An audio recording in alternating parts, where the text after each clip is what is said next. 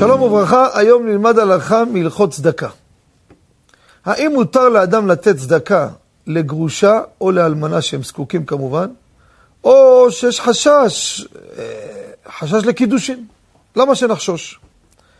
כתוב בהלכה במשלוח מנות של פורים, איש לא ייתן לאישה.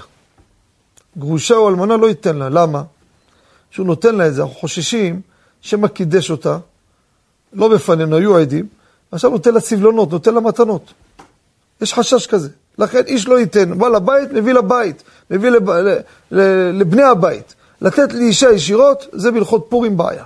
האם נאמר גם בצדקה אותו דבר? הלכה למעשה, משלוח מנות זה לא צדקה, זה מתנה. במתנה יש את החשש הזה.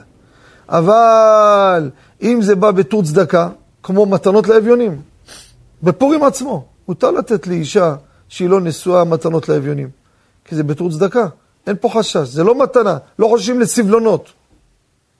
לא משנה, אני נותן כסף או אוכל. למה?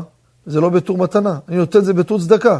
ולכן הלכה למעשה, אם אין חשש רבותיי של קירוב דעת ודברים בעייתיים, מותר לתת לאלמנה, לגרושת צדקה, וכמובן, אבל הרבה פעמים גם צריך להיזהר. לפעמים זה גורם לכל מיני תקלות, שם אדם צריך להיות חכם, לקחת צעד אחורה ולהעביר את הכסף דרך גבאי צדקה, דרך אנשים שעוזרים למשפחה ובעילום שם.